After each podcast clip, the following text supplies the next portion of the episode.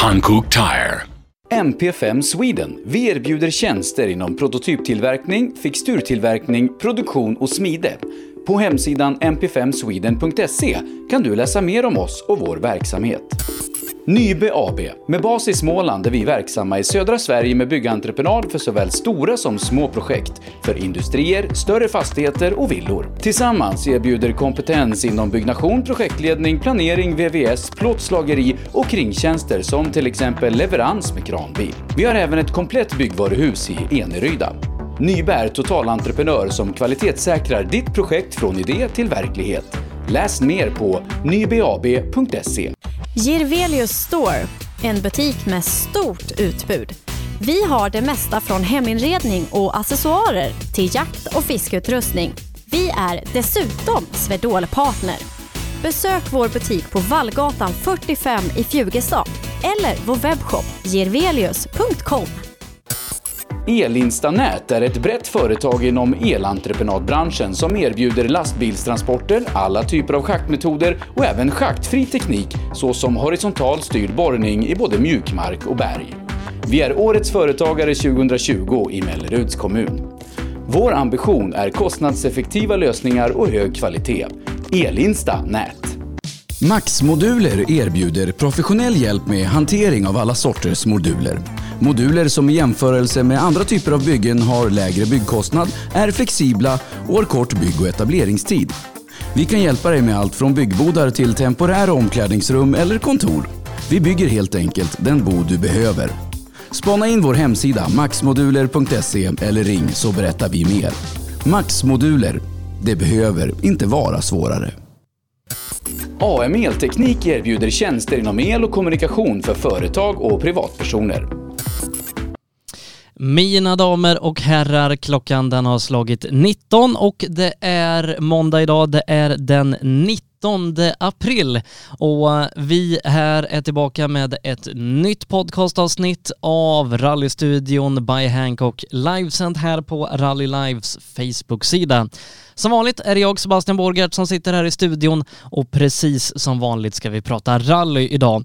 Idag ska vi prata med ingen mindre än legenden, kartläsaren från Wales, Nicky Grist, som har åkt med eh, förare som Malcolm Wilson, Joa Kankonen och inte minst Colin McRae. Och vi ska få sätta tänderna i hans karriär och det gör vi ju givetvis på engelska då här om en liten stund. Uh, men eh, först eh, så ska jag säga det att vi alldeles strax kommer få tillbaka nya Fuck Cancer-dekaler i lager. Det har ju gått några veckor sedan vi eh, eh sålde eh, och eh, annonserade våra Fuck Cancer-dekaler senast här i, i livepodden. Men vi har nya på G med årets nya tryck, så om bara en vecka eller två så kommer du kunna köpa nya snygga Fuck Cancer-dekaler, få massa exklusiva livepoddar på köpet och samtidigt vara med och stötta kampen mot cancer. Eh, så det kommer det mer information om framöver.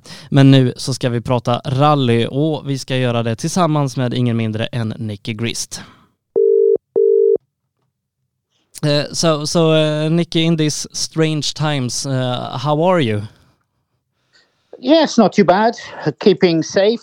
Not uh, not had any COVID issues at least. So you know that's a positive thing. And and we're doing very well with vaccinations here in the uk and i've had my first jab. So um, yeah it's it's not too bad. I've i've no complaints. Hopefully you you'll soon be back out working in in motorsport and being on rally events i hope. Yeah well we've we've we've had i don't know what it's been like in in sweden or scandinavia in general but here in the uk we've had very few events over the last uh, 18 months and probably one of the first forest events in Wales for you know almost 18 months will be happening on my rally in July so you know it's going to start a little bit slower here but um, racing keeps me quite occupied with my business anyway uh, we will get to what you do today, but uh, we will talk a bit about your uh, long career in motorsport and uh, especially rallying.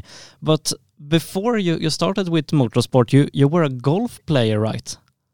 That's right. Yes. Yeah. Yeah. It was as a as a youngster, it was my my first love, at least. And um, you know, I played from a from an early age, and yeah, I had the opportunity to become the assistant professional in my local golf course, and uh, that's what uh, my first ever paying job was. So, um, but then I took an interest in uh, rallying and road rallying, which is a, a very specific sport we have here in the UK. And uh, to be honest, the the job was getting in my way, so I, I just gave it up and and, and started a, a normal job, which gave me more time to go rallying. Uh, but did you have any motorsport in the family, uh, or where did you get the interest of, of motorsport and rallying? Uh, nothing. It was just something I found. It was a, a, one of these road rally events that we have. Was passing relatively close to home. Uh, I didn't know they existed, and somebody said, oh, we're going to watch this particular place. And, you know, I watched one place, then another place, and then another place. And uh, I ended up at six o'clock in the morning in a place called Hay-on-Wye having breakfast, having watched the whole rally. So, uh, you know, I really did enjoy it and watched a few more and then started uh, navigating. And uh, before I, I, knew it, it, that was me hooked. And uh, yeah, uh, fortunately, quite a few years later, turned professional. So, yeah, it was a, a nice way to start. Uh, but without having rallying in the family or with within the the the, the close friends, uh, so uh, how was it to to get started doing rally and not just watching it? Um, it wasn't too bad. Not at the level you know, I, I, am not sure. I don't think you have road rallies in in Sweden, which you know, it's it's very much a clubman event. It takes place at 11 o'clock on a Saturday night. The first car starts. You plot a, a route onto a map, uh, ordnance survey map, and then you know off you go. And then you navigate this route through country lanes, through different controls and passage controls. But all of this was run through small local motor clubs. So I just joined my local motor club and you know had the opportunity to uh, to meet a couple of drivers. And one guy said, "Oh, well, come and come and navigate for me." So I did, and and and that's the way I started. And then it just grew and grew from there. Uh, did you always want to become a co-driver, or did you think about or try to drive? Well, you know, I started.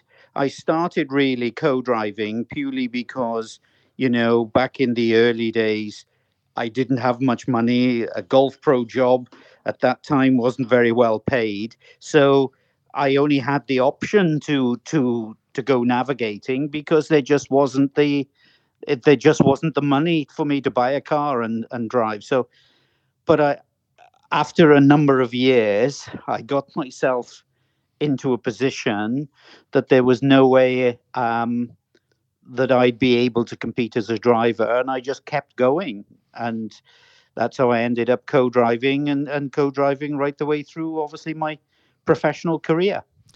But in road rallying, you, you did have some success. I think you won the, the Welsh Road Rally Championship at one point. Yes, we've won, won every Welsh Championship, and then there was a higher championship in Motoring News. We didn't win that, but we won quite a few rounds of that. Uh, and it was a good way to start your co driving career because co driving, in compared to road rallying, is, is quite easy. But, you know, with road rallying, you're reading the bends off the map and the severity of the bends, the length of the straights, and all the obstacles, the junctions, and everything. It's not closed roads, everything's open so, really, the emphasis of road rallying is probably 75% navigator and 25% driver. So, when you're, to give you an example, when you're reading a map, you have to look at it, decipher it, decide what the severity of the corner is, and read it and deliver it to the driver in time. Well, when you're reading pace notes, the severity is already decided all you have to do is just read the information at the right time.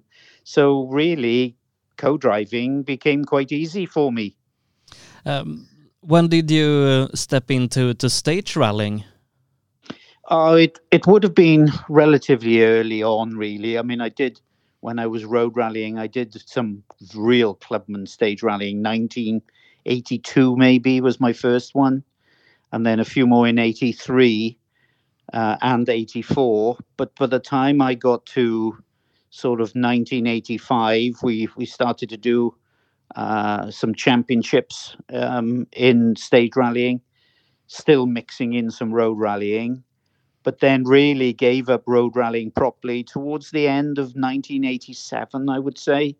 Um, and then it was all 100% committed to stage rallying then.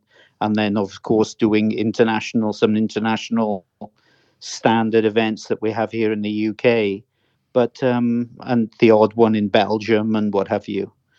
But um, you know, I didn't do my first World Championship event outside of Britain until um, oh god, it must be something like um, 1990 oh, with with Malcolm. 1990. That's yeah. it exactly. That's exactly it.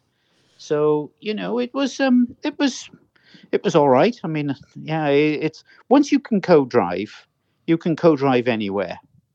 Do you know what I mean? And and everything just felt fell into place and, and was quite easy, really. Uh, in the in the late 80s, you you uh, as you said, you co-drive with with a lot of different drivers. Uh, and mm. in a lot of different cars. Um, how was it to to jump between different teams, drivers, cars, weekend to weekend? I think it's quite important for any young competitor to get as much experience as they can. Um, I think if you end up sitting with just one person over and over and over again, you know, you don't necessarily get opportunities to go and sit with somebody else. And as it was, people felt they could ring me and ask me, and I was always looking for something bigger, better, and faster to sit in. And uh, I took those opportunities. Um, but I've I found that it was it was good for my progression and my experience and uh, every step I took was always just that little bit more and a little bit more and a little bit more. So you weren't thrust in at the deep end, if you know what I mean, to go from a complete amateur to jumping in something that was really fast with a top end driver. Well, that gap would be too much in the experience of, of a young co driver to cope with but I was lucky that I had a nice progression through my career. So uh, every step I took was getting a little bit better every time. So um, I could just, it just everything, all the pieces fell into place. And uh, in in the late eighties, you you uh, were in some some pretty cool cars. Uh, like uh, the Toyota Corolla GT, uh, MG Metro, and you also did some event with Gwyndaf Evans, right? I did. I only did one event with Gwyndaf, um, only because a good friend of mine, who was his navigator, was getting married on that weekend, and uh, went over to do the Circuit of Ireland uh, rally with Gwyndaf. Unfortunately, the car broke down and we retired. But um, you know that was that was another nice sort of step in my career, if you know what I mean. It was uh, a good experience. Um, and then shortly after that, we were teammates with Gwyndaf with Malcolm. So, you know, we would that was a good fun uh, season that was. Uh, during the, the late uh, 80s, you, you also mm, competed with, with some drivers with connections to, to factory or, or manufacturer uh, teams, I think. I did, I did. Well, in in sort of 1988, 87, 88, I jumped in with um, a guy who drove with uh, GM Dealer Sport, which, okay, Opel to you guys in Sweden, yeah. Vauxhall to us here. And uh, that gave me a stepping stone into a semi professional drive in 89 with somebody who I regard as probably one of the fastest drivers I ever sat with was a chap called Dave Metcalf. Um, Dave unfortunately had a road accident and died uh, shortly after I, I left him. But he was an incredible driver. And the angles, I competed with him in GM Dealer Sport in a a Vauxhall Nova, which I think what you call you call it Corsa, don't yes, you? I yes, think. and it was Yeah. uh, the the Corsa A. It must have been the first. It was. Yeah. It was a 1600 Group A car. And uh, honestly, he- he drove it like a rear wheel drive car. It was incredible. And uh, we had some hell of a result in one rally in the Manx International Rally, a tarmac event in the Isle of Man. And uh, we finished fourth overall, finishing just behind all the factory Sierra Cosworths. And then we had a lot of Sierra Cosworths all finishing behind us. So that was uh, one hell of a result. It was uh, it was very exciting. Uh, but during this time, uh, the the late uh, 80s, you, as you said, the co-drive for for um, some some bigger teams and bigger names in rallying. But did you, as a as a co-driver, did you get salary? Could you live on rallying during this time? No, not at all, not at all. When I when I sat with Dave Metcalf, I had, you know, some pocket money basically um, to go competing, but even to get something was a step on the ladder, if you know what I mean. Um, I had a full time job. I was just selling cars, and you know, I had the opportunity to give up work and earlier to go off and compete in events. So you know, it worked for for my employer. It worked for me, um, but I didn't have to wait too long before. You know, in 1990, I had the opportunity to turn professional full time, and then then I was able to give up work and just concentrate on driving. Because in 1990 you joined Malcolm Wilson at Ford, and um, how did you end up with Malcolm uh, in, in this team? Well, uh, the year before, when I was with Dave Metcalf, Malcolm was driving for GM Dealer Sport in an Opel Kadett. Yeah. And basically, we were in the team together and we got to know each other then. And, you know, I think the opportunity came about and Malcolm said, Would you come and join me? So I said, Yeah, I'd love to. So I negotiated a deal with a chap called Peter Ashcroft, who uh, at that time was running Ford at Boreham, which was the the the Ford Motorsport base for many, many, many years. And uh, we we had a quite a nice program doing um, the British Championship in and just a, a rear wheel drive uh, Sierra Sapphire Cosworth, and then doing some test and development work of the new, uh, you know, Group A uh, Ford Sierra Cosworth, um, to then competing, taking it on its first uh, ever World Championship event debut. I think it was in Finland. I think that's right. I think Yes. we, we debuted the car in Finland. And uh, that was then my first uh, real event abroad. So, my God, t- to choose your first foreign event for a big team, Finland, you'd think was was the last place you'd want it to be.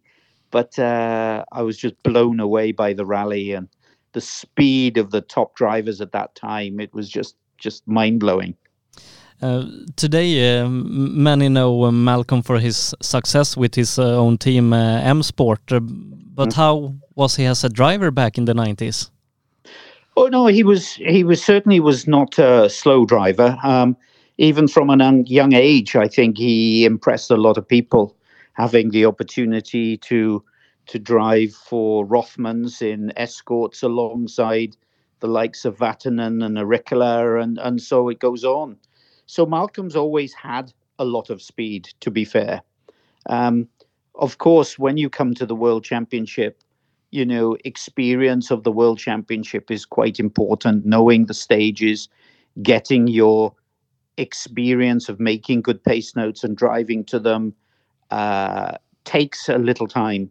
And, you know, in fairness, Malcolm, you know, set some good times, but we just lacked a little bit of consistency. But, you know, he was a fast driver, that there's no doubt.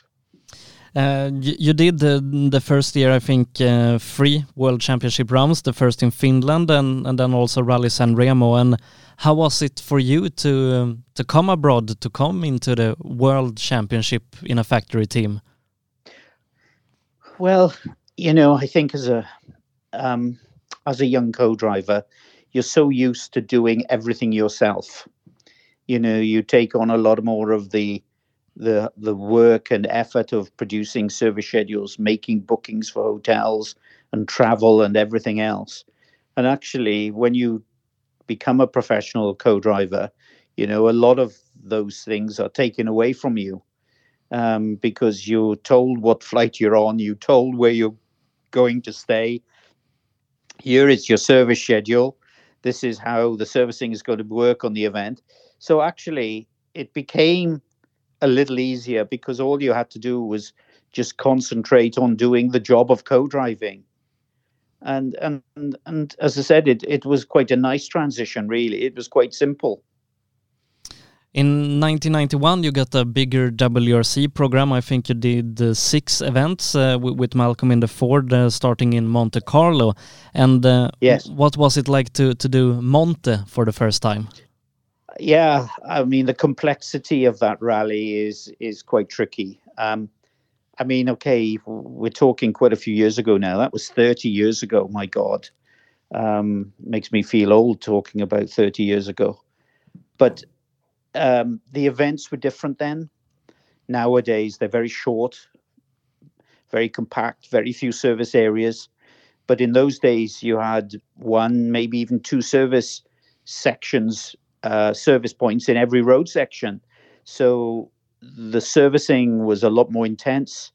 Your tire choices were the perfect tire choice for that, for the next stage. And, you know, getting used to the tarmac against ice, against snow, against slush, and where it was and what it was like, and you know, making the right tire choice. It it was a very very interesting rally. But you know, we did three weeks of testing for, uh, uh no, two weeks of testing for Monte Carlo, and then we did three weeks of recce as well. So, by the time we got to the rally, it was you knew it really quite well. Um, unlike the events of today where you only have two days to recce. So, you know, things are a little bit different. Uh, the, the Ford Sierra isn't maybe known as Ford's best uh, car in the in the World Championship, but but how was it? How did you experience the car uh, in in 1991 out on the stages? Yeah, um, it was a big car. It was very long.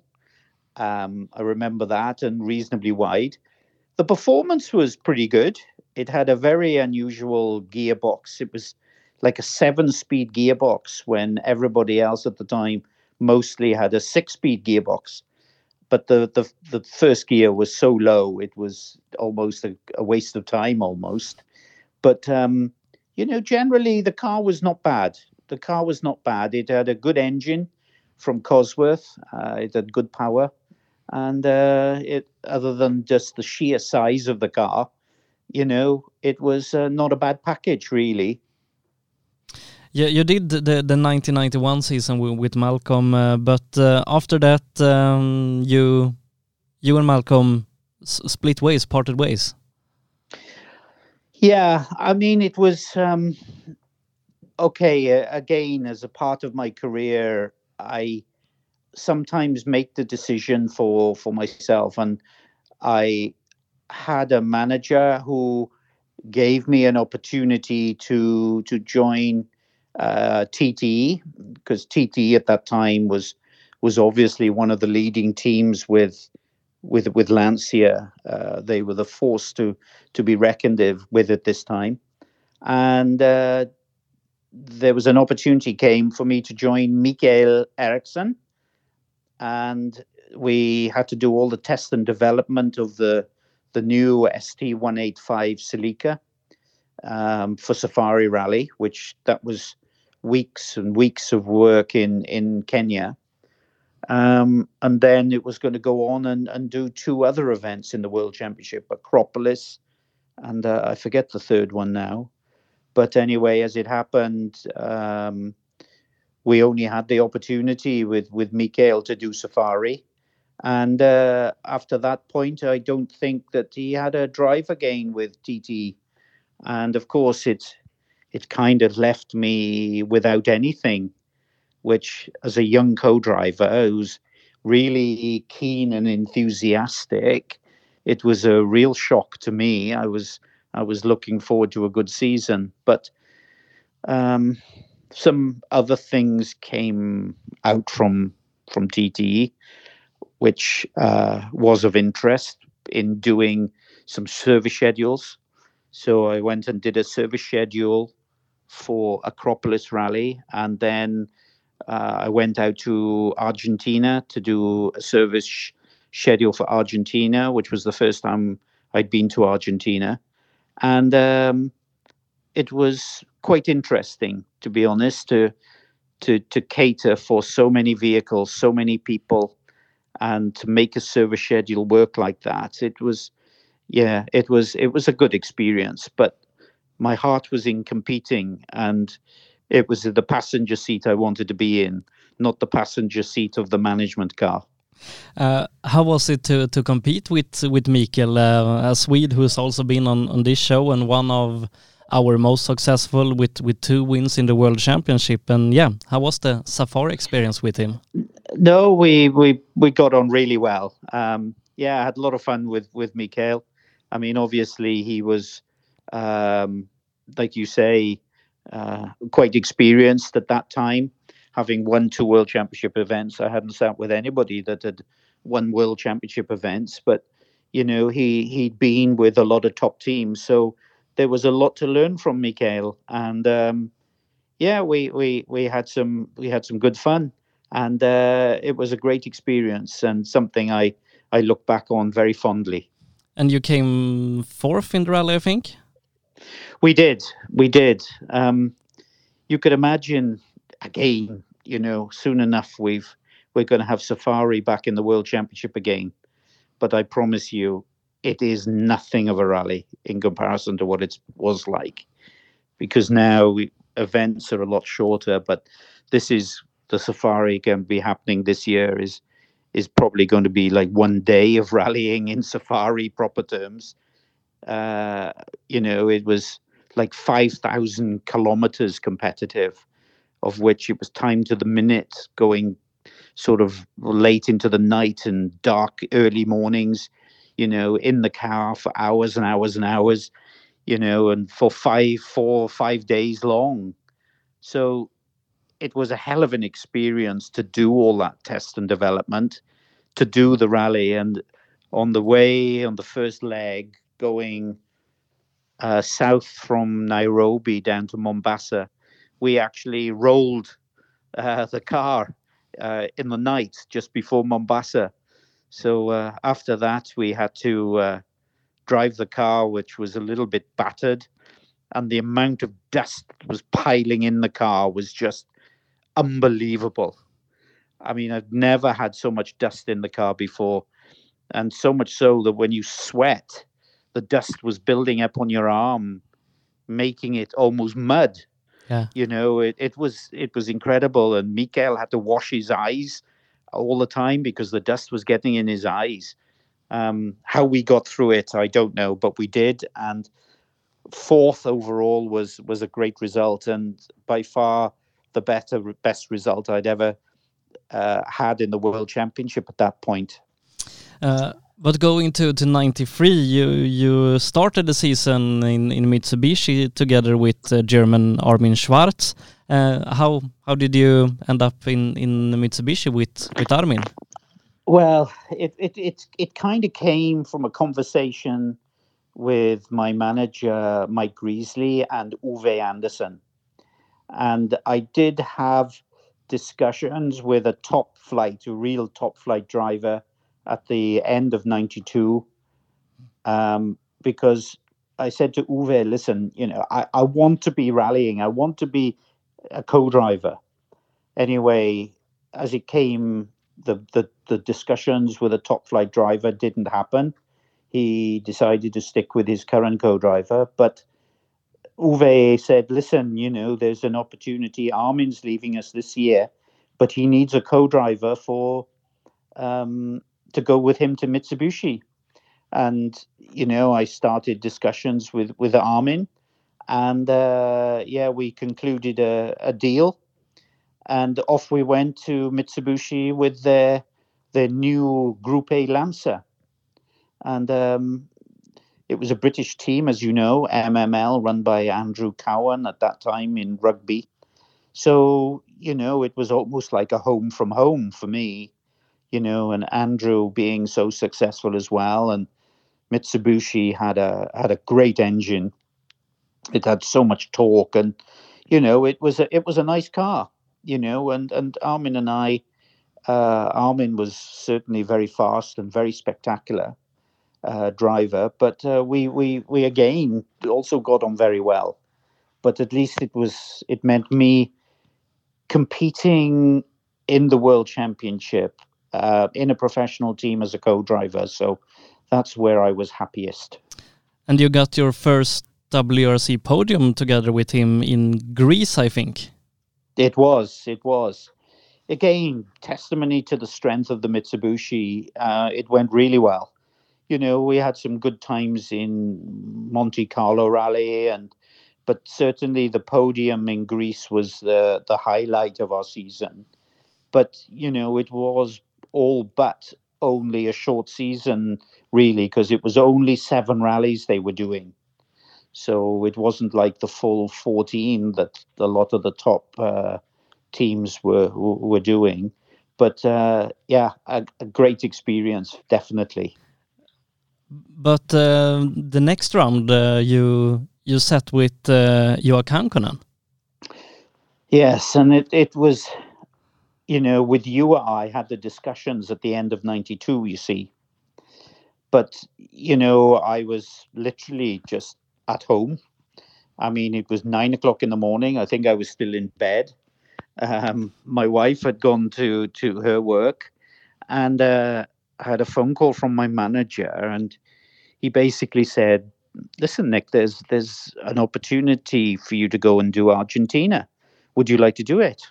And I said, well, yeah, I'd love to do it. But I said, hang on a minute. I said the the recce's already started. He said it has, but he said, listen, it's it's not good news, but it's good news for you. Unfortunately, Juha Piironen had a brain hemorrhage, and he had a brain hemorrhage uh, at the end of one day of recce. Uh, he didn't come to dinner. And then the next morning, he didn't come for breakfast. And Juha thought this is really strange. Anyway, Juha went to his room and uh, he found Juha collapsed on the, the floor of his room. So, of course, uh, you know, first thing, get, get, get Juha to hospital. Unfortunately for him, one of the best brain surgeons in the world is based at Cordoba uh, Hospital, quite yeah. close by. So fortunately for Juha, this guy saved his life and and got him uh, rejuvenated after sort of six months or so in hospital in Argentina before he came home. But of course, then for Juha, my God, I've still got a rally to do. And um, so then he rung the, his manager straight away. Fortunately, we had a few hours, uh, you know, because the Argentina time zone to UK was different. And he said, "You want to do it?" I said, "Shit, yeah, sure, I want to do it." you know, there's no way I'm not going to do that. But I said, "Listen, I've got a contract. What are we going to do with my contract?" He said, "Well, listen, um, obviously Ove is 100% behind it, um, but I've already spoken to Andrew Cowan, and Andrew has already said sent an email to uh, Mitsubishi in Japan to get uh, the go ahead. But he said, listen." Pack your bags, get ready to go. So I said, right, okay. So um, I packed my bags and I rang the wife and said, God, you won't believe what's just happened. You know, I got this fantastic opportunity. I can't believe it. And it was for two rallies. So I had to go and do Argentina and then from Argentina fly over the South Pole and go and compete in Rally New Zealand. Um, so it was like, wow. So I said to the wife, I said, it's not confirmed yet, but I'll give you a ring in a little while to let you know if it's happening. And uh, I said, I'll come and see you. So anyway, as it was, uh, the phone call came through. Yeah, job's on. You you've been cleared to do it. I said, fantastic. He said, we'll sort everything else out later. He said, you've got to be at Heathrow pick up your ticket at the BA counter. You're going to fly to France, and then in Paris, you're going to take an Aerolíneas Argentina flight to to Buenos Aires, and then you have a flight to Cordoba where somebody will pick you up. So, oh my God! So you could imagine as Yeah. a young co-driver, this was like unbelievable. To something to happen like within two hours. Anyway, um, I went and met my wife in work, and you know, I gave her a kiss and a huddle, cuddle in the in, in her office, and I said, "Bye, darling. I'll see you now in in probably six, seven weeks." And off I went, and uh, I got to uh, picked up my ticket and flew to Paris. In Paris, I had to go and pick, collect another ticket, and then I looked at it, first class ticket. Thought, my God, I really made it now, and uh, flew first class to to Buenos Aires, and of course, you know, I made the most of the first glass and a few glasses of champagne and all the rest of it. And uh, anyway, eventually I get to Villa Carlos Paz. Uh, it was m- sort of mid morning, I would say, the next day, and and there was Juha sat with about an ashtray full of cigarettes and uh, about six or eight coffee cups, road books and and pace note books there waiting for me. And he said, "Come on then, boyo, let's go." And uh, that was it. So I just looked quickly looked at the maps and I said, "Right, what do you think?" And he said, "Well, let's try and do everything twice." And I said, "Right, okay." And we made a bit of a plan and and we managed to do every stage twice, so it wasn't too bad. Uh, and then we flew up to um, Tucumán, um, which was in the north, where they had the start and the super special stage. And we did the super special stage, and we were fastest. So, you know, all of a sudden, I was also leading my first World Championship rally. And literally from that first stage to the last, we never lost the lead. And, uh, you know, just won my first World Championship rally. And you could imagine I was just like a, I was like a kid in a sweet shop. You know, it was, it was just unbelievable. It was everything just was fantastic. You know, the, the team Yeah. were brilliant. The event was brilliant. Juha was good company. He was a brilliant driver, not a wheel wrong anywhere. It was perfect. Everything was perfect. And here I am with my first World Championship victory. Yeah, and what a way to get it. I know, I know, I know. And unfortunately for, for Juha Piironen, you know, we did see him 12, 18 months later. And, uh, you know, Piro didn't lose any of the normal Piro personality. But um, obviously, you know, being unconscious on your hotel floor for 12, 14 hours didn't help matters for him. But, uh, you know, at the end of the day, yeah, uh, Piro survived it, but never co drove again. Um, but as I said, um, you know, we have a saying here in in in in the UK is one man's blood is an uh, is another man's poison. So you know, it was unfortunate for Piironen, but it was a benefit for me, and uh, you know, I, I was I was very lucky to have that opportunity.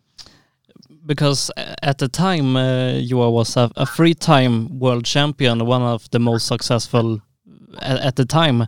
Uh, and how was it to to work with a world champion and a multiple world champion? Yeah, very easy actually. Very easy. Um, his pace notes were in English, using a descriptive system, which was a, a system that we kind of used in the road rally days. So that was very easy for me. I mean, I fell into that straight away, but obviously it was just controlling the emotions a little bit. Um, especially when you were leading your first rally and all the pressure and all the interviews and everything else, it was uh, it was keeping yourself, pinching yourself every now and again, just to wake up and just concentrate and and make sure you get everything right because it was just a an awesome, awesome experience and a dream come true. And uh, you won uh, three rallies that year, and um, if we, we count in the, the podium uh, with Mitsubishi, you took uh, five podiums, and um, you won the World Championship. And how was it to to be a part of that whole season, winning that many events, and, and be part of him becoming a four-time world champion? Well, I, I think for Juha, I, I think it was almost, you know, taking me kind of rejuvenated him a little bit you know and and he said that he found that the way that the car handled and was different because Juha was a lot bigger than me. So he got this small welsh guy in there probably weighing 25 30% less than Piironen he said he could feel the difference in the car and you know i think it just rejuvenated Juha and he drove with such conviction that at the end of the day you know, he really just came to life. And that's why he really won his first world championship. But we, I think we won only two more events that year because the the final win I had, there was the fourth one, came in 94. But I always remember winning Wales Rally GB. And we turned up at Wales Rally GB and he said, Listen, I want to win this one for you, he said. So the conditions were really tricky. And unlike, uh, it was a very cold, icy, snowy rally. And unlike Sweden, you're obviously not allowed ice tires or spike tires. You just had to use gravel tires or maybe snow tires without spikes. And, you know, with the, and it wasn't always a lot of snow. So you had to be careful for punctures because there were still stones there, stones frozen in the ground.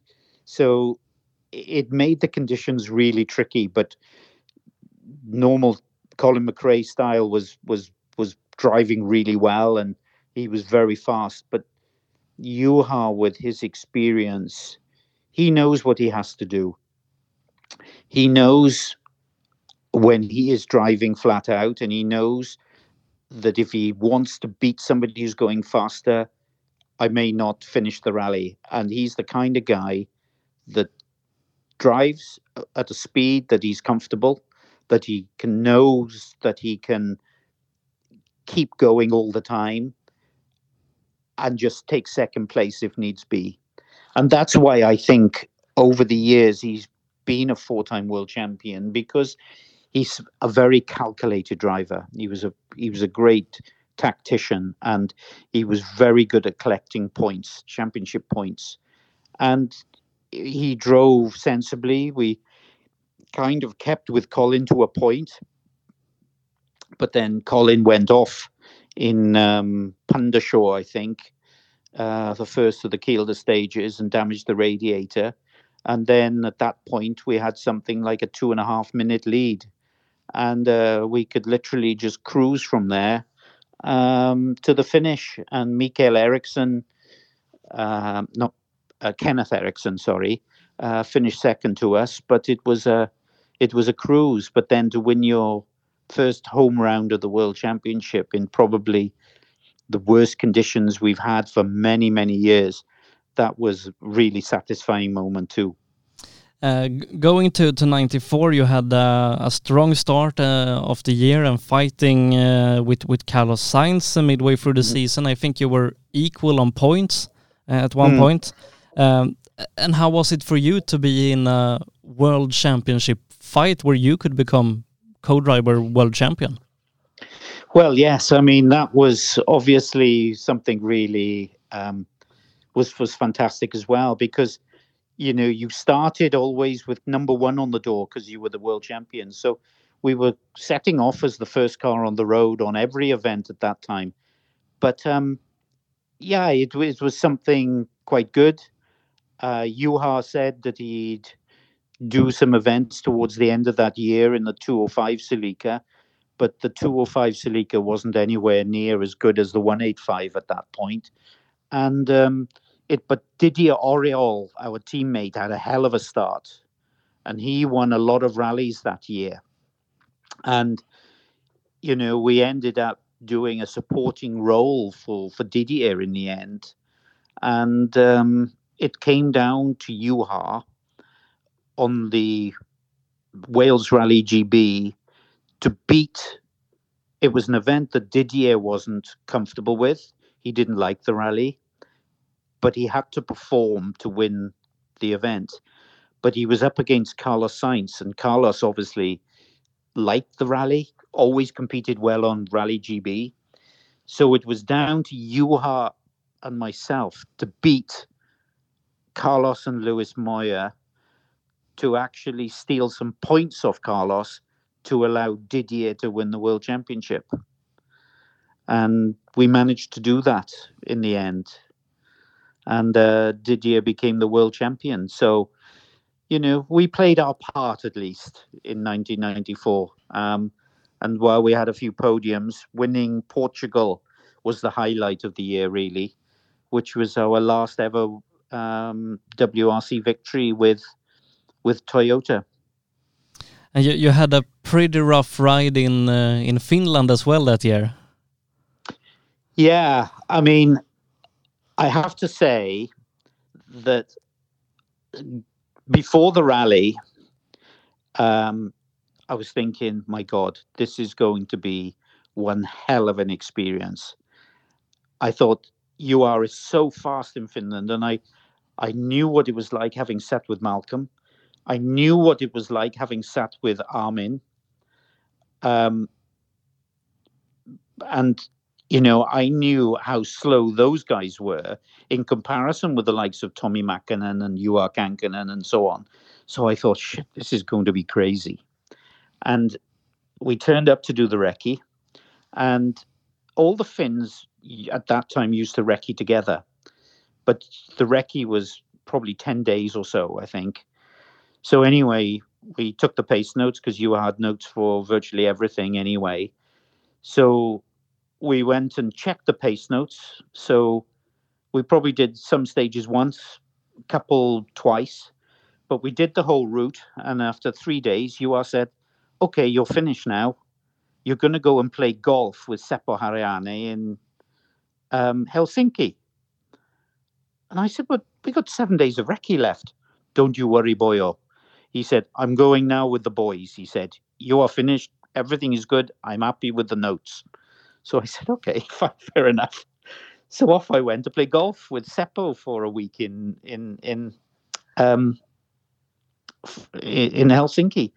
And the thing is, the, the drivers then would share each other's cars and just drive around the stages together.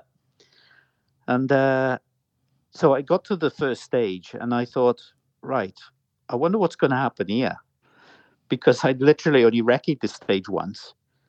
And uh, we set off from the start, and it was flat down this crest and very quick down to a tight right hand corner. And then a few hundred meters, tight hairpin left onto a really narrow, rough road. And uh, around this forest area, which had been chopped down. And we came down to what was a, a K right and 90 left and 90 right. So uh, we're coming down to this, I called it K right and 90 left. So I'm waiting for this big braking session now to go right and left. Anyway, there was hardly anything of a braking session at all. The next minute, he goes flying straight through these bushes. And I thought, my God, we're off. This is a big accident. And uh, anyway, we flew through this hedge. Next minute, we came out on the road on the other side. And it was like, speak really quickly to get the notes out because now all of a sudden we've missed three corners, slow corners, and I had to try and catch up on the notes again. So anyway, we get to the end of the stage. I said, My God, what just happened in there? He said, Oh, I'm very sorry. I should have told you about this one, he said. But don't worry, that is the worst one, he said. But it was just these guys knowing the road so well that they could just, at that time, just shortcut a couple of tight corners and just go straight through this hedgerow at far greater speed. And that's what Finland was like. And I thought, right, okay, So then off we went to stage two, and it's down Juha Kankkunen Road, and it passes his farm, and the stage passes on the back of his farm. Lo and behold, we came a few k's into this stage. Uh, I can't remember the name of it now. Damn. Um, anyway, we came to the back of his farm, and next minute, big slide over a crest, hit this rock and rolled. So that was we we did continue. We lost a lot of time, but the best we could do uh, was ninth overall, and with a really bent car, fastest on the greatest majority of the stages. But actually, while he was fastest on virtually everything, it was the most undramatic rally I think I did with him because he knew the rally so well. The crest, the line on the crest, and the speed on the crest was perfect. You never flew too far. You didn't jump massively high and have a massive landing. Everything was just perfectly positioned. And it was just so undramatic. It was um, it was something I never worried about again. And I realized that being fast is is not necessarily being wild. It's also about being incredibly smooth. And uh, but that's the way it goes, you know. Yeah. Uh, jumping to to 95, uh, you were also in in the fight with with Colin that year, uh, up until Spain in the in the championship. It was, um, yeah, okay. It's a very sad year to be honest. 1995. Um, when they brought the 205, a few events toward the end of 94, they asked us to do some rallies with the new 205 Celica. And the car was not the same. It was a bigger car, longer wheelbase, and all the rest of it. And it had some uh, super strut suspension on the front. And it was a good idea on paper. But actually, in reality, for rallying, there was too many joints and bushes and everything else. And it just became really slack. So over time, you know, we ended up going back to MacPherson strut, standard MacPherson strut suspension. And um, yeah, we ended up getting faster and faster and all the rest of it. And, um, you know, Colin was driving well that year, in fairness to him. He'd won some rallies and, um, you know, he was quite, uh, quite quick um, and getting quicker and um, we turned up in uh, Catalonia, and we started off, and we we talked and worked with Juha a little bit on his tarmac driving and how to make himself faster and quicker and all the rest of it. Anyway, we we got ourselves to the position where, lo and behold, at the end of the first day, we were beating our tarmac expert teammate Didier Auriol and leading the rally which on tarmac was just like wow. Anyway, we went and had our dinner and in the motorhome and all the rest of it, and then put the car in Parc Ferme.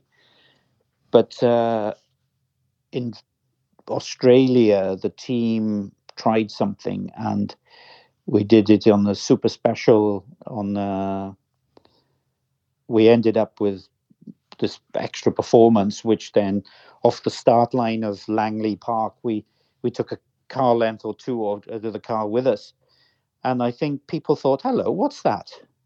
And I think when Juha was uh, leading the rally, they thought, "Hang on, something strange going on here." So at that the end of the first day of Catalonia, the scrutineers were there and took away the turbos. And uh, anyway, they studied them overnight and they found a modification in the turbo, and which is, is it's not a secret anymore. I mean, it was a wonderful piece of engineering, and you know, it was something that um, you know that that basically people were, you know, it gave us a lot more performance, but it meant that they cheated, and you know, all those good years of 93 and 92 93 94 of world champions uh, in the team to be excluded from the world championship. So all our points were gone. Uh, the team were banned from the world championship for two years or so.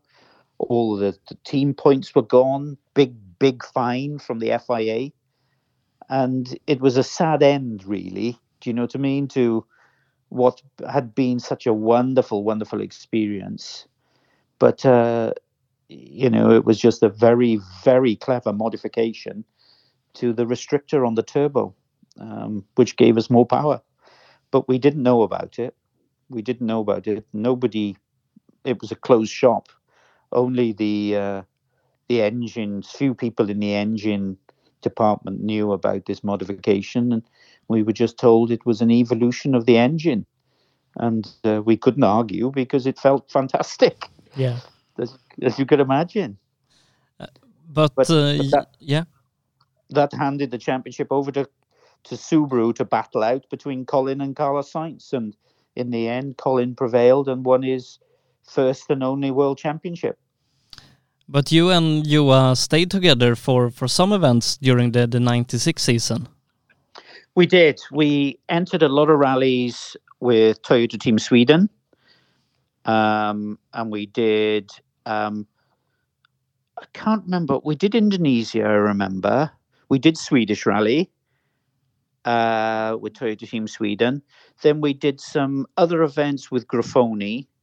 We did IPA Rally in Belgium. We did Rally de Valais in, in Switzerland. And we did some interesting stuff. But again, that with nothing on the horizon, and you know, with you are with Toyota banned for another year or so, you know, there was nothing happening again. So now all of a sudden, I was down to thinking, right, what am I going to do in 1997? Because there was just nothing there. But uh, halfway through 1996, I received a phone call and asked to go and have a meeting. And it was with David Richards, um, obviously Prodrive and Subaru, to with the possibility of going with Colin. And anyway, we started a discussion. We did a negotiation, and a deal was struck uh, for me to go and join join Colin for testing for Monte in Sweden in December that year, going into 1997 and 98 World Championship with the new WRC Subaru. And how was it to to get into the car with with Colin for the first time? Because uh, now he he's a legend, but he he got a, a pretty big reputation even back then. He did, he did, he did, and you know, I mean, there was a lot of things, you know, about Colin McCrash and you know all the rest of it. But you know, to be honest, um, Colin was a you know a fantastic driver. There's no doubt and you know he had a lot of confidence and he knew he would always push that a little bit harder than anybody else but to be honest i think they they got me in the car to try and control colin a little bit and slow him down and and get him to think differently. But i think when i joined him i think he kind of knew why i was there. And i think he knew himself what he had to do.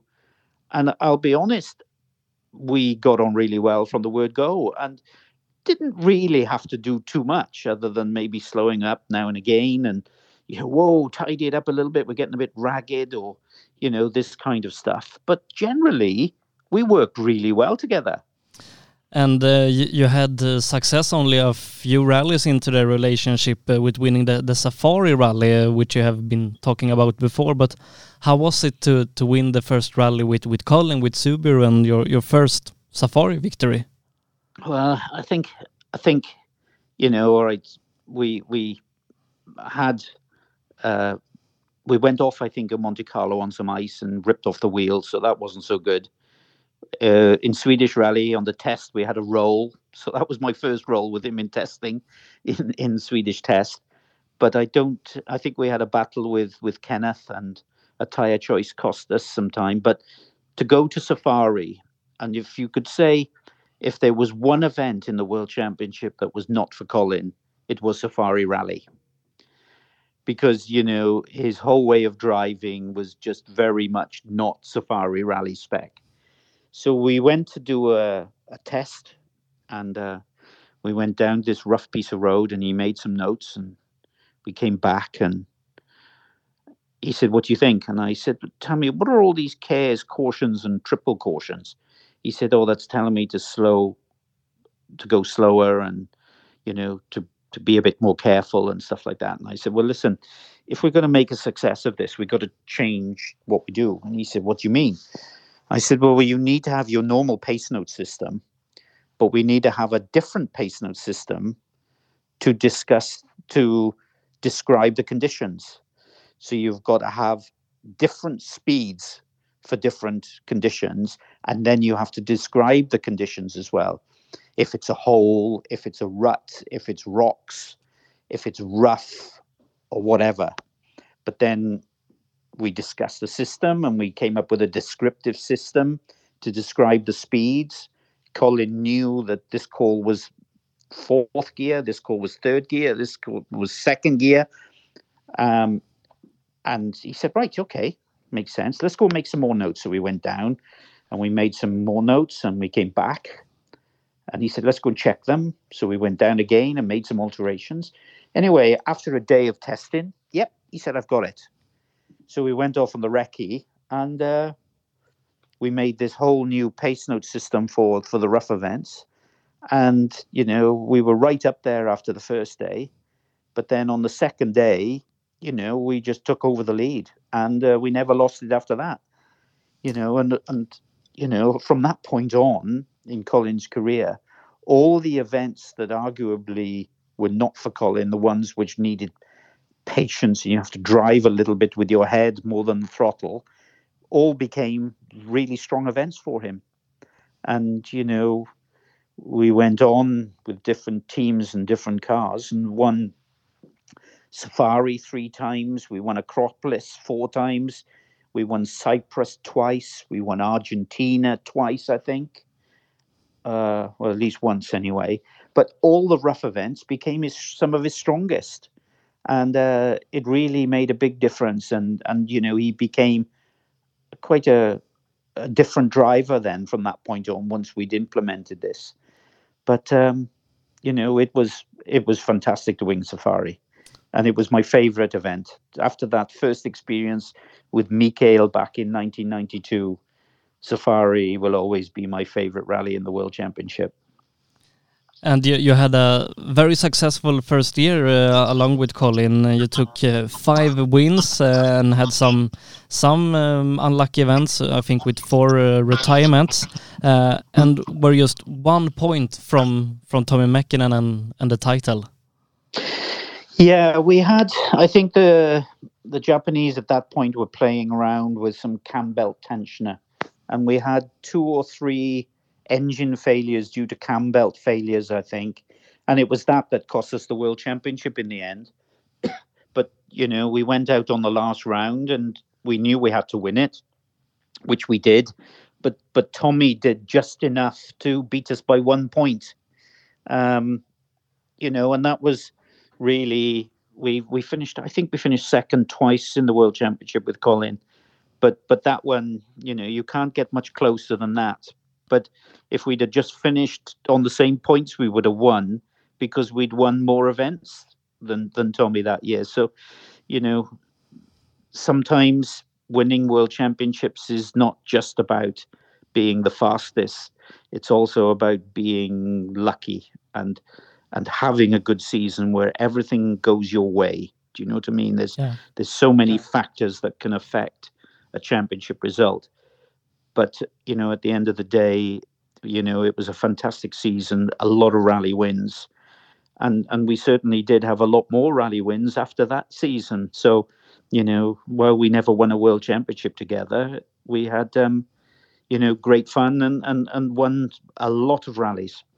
Yeah, because in '98 you took uh, three wins and the third in the championship. But but one thing that uh, pops up on Facebook now and then, it's the repair you did by the road in Argentina. P please tell us a bit about that. Yeah, it was. We were. It was a stage that went from, oh, what's the name of the town? It's where. Uh, um, oh God, I'm just trying to think the name of the town. Anyway, it was climbing up onto the top of the highest point of the rally, up on top of El Condor, and Mina Clavero up to the top of El Condor. And, you know, this stage in places was quite rough. And, and we just went in a bit quick in one corner and hit this massive bit of bedrock and it bent the suspension really badly on the back of the car. So by the time we finished the car, the wheel was at a, like a, a 30 degree angle back in the wheel arch. The tire was still inflated, but we couldn't get the wheel off because we couldn't come past the wheel arch. So, right, we've just got to drive on it. So we drove on it and it was rubbing the bodywork inside the wheel arch a little bit. Anyway, eventually the tire just blew out on the road section. So now we were committed, we could get the wheel off. So, but obviously we couldn't put a new wheel on the car. So we had to try and repair the car. So we took the, the suspension arm off the car and we tried to lower the car onto it to see if we could bend it, but that wasn't good enough. So then we had to get this big rock and, and another big rock and just smash it straight on this rock. So we managed to to get it somewhere near straight, and then we got back to the car and bolted it on. Just threw the wheel on the car as, as quick as we could, and then got into the time control literally just a few seconds before we went over the time limit. And uh, anyway, we went through this stage, dropping down the hill into towards uh, from uh, this was stage was called El Condor, and we were fastest on that stage. So then we had to adjust the the re- tracking on the rear because the car wasn't perfect, and then we went into a three car super special down in uh, Cordoba, and lo and behold, we were fastest again, and um, we managed to keep going, and we got some championship points, but we'd lost a lot of time, and we'd lost you know, two, two and a half minutes in road penalties because we were virtually over the time limit. So we were never going to get a, a fantastic result, but we managed to keep going. But that was the thing with Colin that that people don't realize. He was quite good mechanically. He he knew how to repair cars and you know put get the spanners going in the right way and actually on the car itself generally he was quite a smooth driver and very easy on the gearbox and on the engine and everything else. Um, it was only when something broke it always looked bad, but generally he was he was very good mechanically with the car.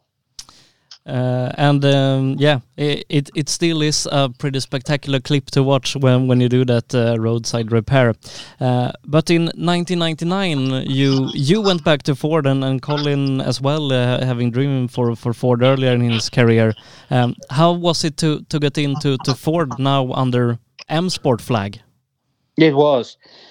I thought it was a bit of a risky move by Colin at that time. I mean, okay, there was a big checkbook being waved in front of him, and there was a lot of money they were going to pay him, you know, for, you know, for his uh, for his efforts. And you know, the car hadn't even run by the time we signed a contract, so you know, we had no idea how good it was going to be or how fast it was going to be. So it was quite risky, but financially, it was something that was was really quite important to him. And, um, you know, he signed the deal and it was the biggest wage check ever at that point for a rally driver. And off we went to Ford. And, um, you know, by the time we did our Monte Carlo test, and the first two weeks were terrible. I mean, the car was awful. It wouldn't perform. And then we had to go back out between Christmas and New Year and then we went back out very early on the 2nd of January to do more testing. And by the time we started the rally, we kind of got the car somewhere near right, uh, only to end up finishing um, third in the rally, but being excluded with a, a water pump uh, issue, which wasn't right through the regulations. So, you know, we thought, okay, it's maybe not so bad but then you know we went to uh, Sweden, and I think we retired in Sweden, and then we went to Africa, and we did some testing in a place called Chateau Lastours, which is a Dakar t- testing place, which was really, um, you know, which is uh, a really rough place, and the car was incredibly strong. So we knew the car was strong. Anyway, we went to Safari, and lo and behold, with our pace note system, wow, we won our second Safari rally, and it was like everybody couldn't believe it that this brand new car has just run the rough, roughest rally in the world. And then off the back of that, we came to Europe again, and we went to Portugal rally. And lo and behold, we won Portugal as well. So all of a sudden, we've taken a, a European sprint rally as well. So we thought, hey, we've got a chance of doing something good here with this car. But then after that, everything just fell apart. Everything fell to pieces, and the car kept re- retiring with this or retiring with that. And I think, other than finishing Corsica on fifth place or something, we didn't finish another rally the whole year. You had uh, nine straight uh, retirements if you if you count in the, the first rally of year 2000. So uh, it was almost a whole season without getting to the finish. It was, and I tell you what, once you do all the testing, once you do all the recceing and everything else, that was the most frustrating championship ever because we didn't have Super Rally at that time. So, you know, of course we, you know, we had a situation where what could we do? We just we just had to um, you know, just keep going really. Yeah. Uh, uh, but Hello, are uh, you still there? yes, I'm still Oh, here. we. Yes, Okay. no problem. So yeah, it was it was it was incredibly frustrating. All that hard work and effort for nothing. You know, we all went to we all went to our teammate at that time was um, uh, Thomas Radstrom, and we all went to China Rally. We did the recce and everything. We went into the first stage, and about three kilometers into stage one, there was this right hand corner over a bit of a rounded boulder, nothing and then into a hairpin left. And we went over this boulder, bang, the wheel came out. So we couldn't steer anymore. We went straight and parked off to the right by this hairpin. We watched every other competitor. Then they all came over the same stone, round the hairpin, and off they went. Then came our teammate, Thomas. And Thomas went over the same boulder, bang, the wheel came out, and he pulled straight on. And the two cars had done three kilometers each, parked up on the side of the road in China. So all of a sudden, that was it. No super rally. Load the cars up, pack up the team, and just come home. And you know, it's it's when you've gone to the other side of the world, to a completely different continent, do all the testing, all the wrecking, all the the hotels and everything else to do three kilometers each. My God, it was it it was for, as frustrating for the team as it was for us at that time. But in 2001, the um, the luck came back. Maybe. Yes, um, you know we were um, we did start we did a lot of work with the car, of course, you know, and we ended up, um, you know, what what did we do? We did some. Do you know what? I can't remember. What did we do first? I think we won a few, quite a few rallies because things started to progress. You could probably remind me what we did. What did we win that year? Uh, you took uh, straight free, uh, three straight wins, and um, you guys and Richard Burns had a big fight coming into to the final in in RAC rally. Uh, yeah, no, I think was that 2001. I think. Yeah, that was 2001. Yes. Yeah. Well, 2000 things improved a little bit, but the 2001 car we had Christian Loriaux, a Belgian guy, joined the team, and he changed a few things on the car, and it. So basically, he improved things, and we started to get some good performance. Um, um, so basically, yeah, we ended up, we were in a position to win the world championship, and we came to Rally GB, an event that Colin was obviously very good at. Um, so basically, we we ended up we were fastest on the super special down at Cardiff Bay. Went to the first forest stage and drove beautifully. It was a wonderful stage. Um, and then we went into the next stage, and uh, Marcus Grönholm beat us a little bit, but we still beat uh, Richard Burns quite comfortably. And all we had to do was stay in front of Richard Burns.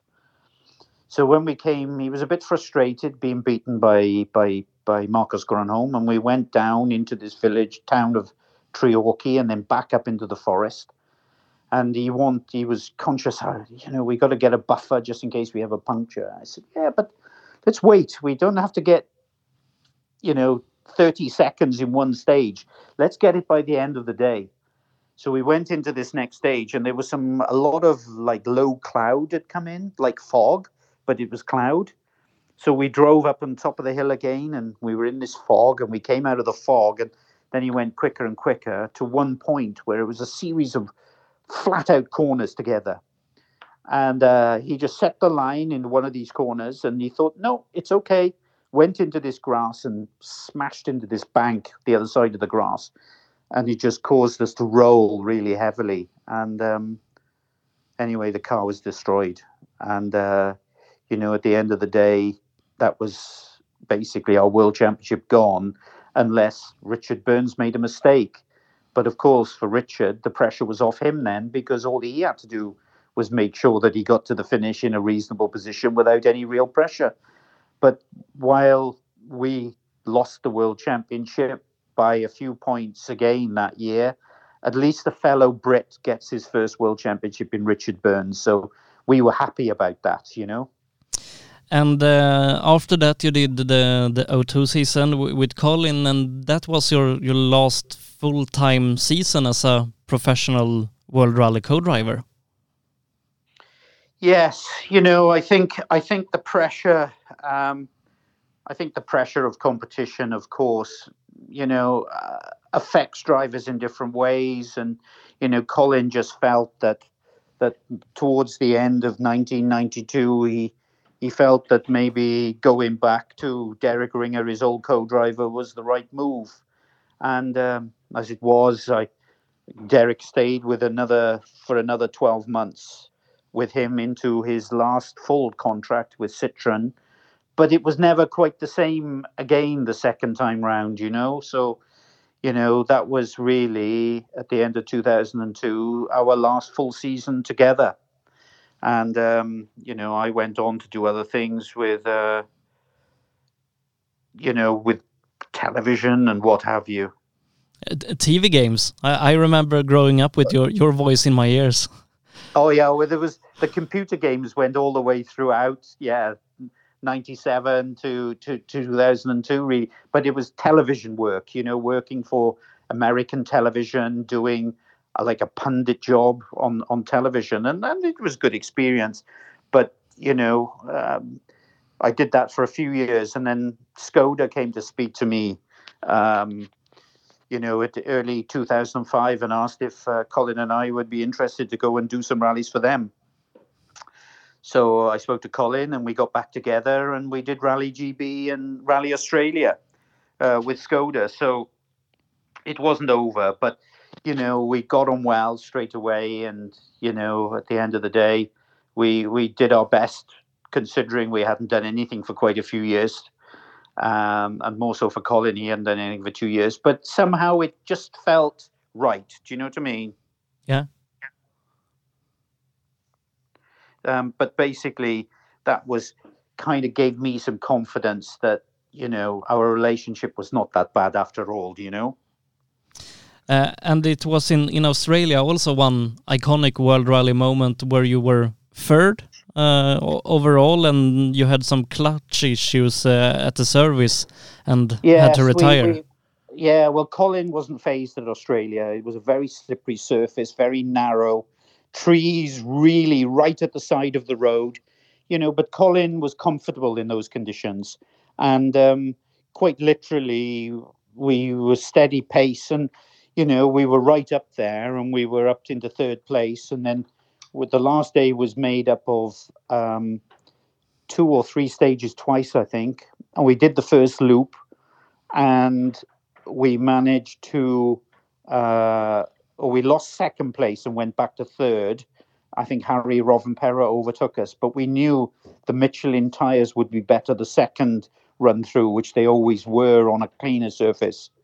And, um, you know, quite literally, um, you know, basically, we, uh, you know, we basically managed to pull off. We thought we, yeah, we can pull off a, a result. But when we we did the first loop, we came back to the service, and anyway, the engineer, we had this junior engineer, and he noticed that all of a sudden the reading for the clutch was quite worn, and and the the, the, the clutch was not right, and it could wear out at any time where an experienced uh, engineer in Armin's car changed it the night before in the 45 minute service.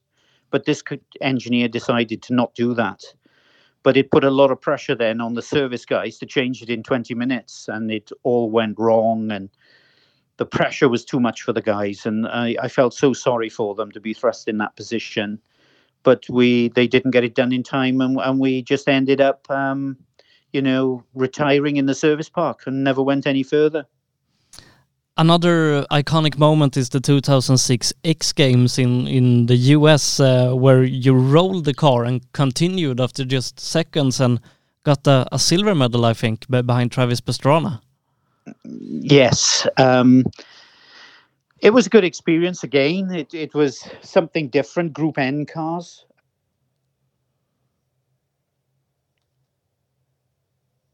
notes, which you know for Colin didn't really.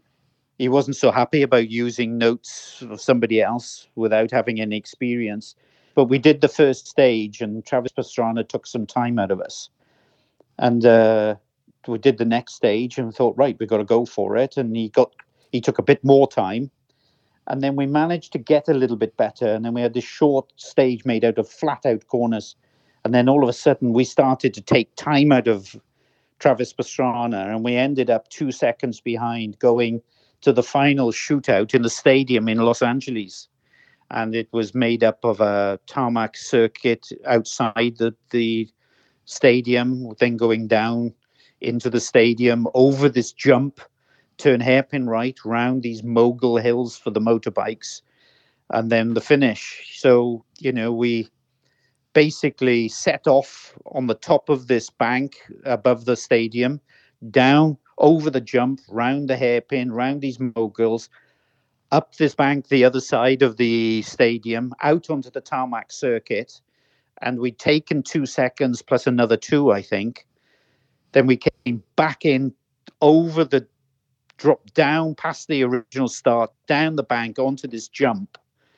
And he took the jump and he just gave the car a bit of attitude just to be able to get the car to turn very tightly after the landing of the, the jump.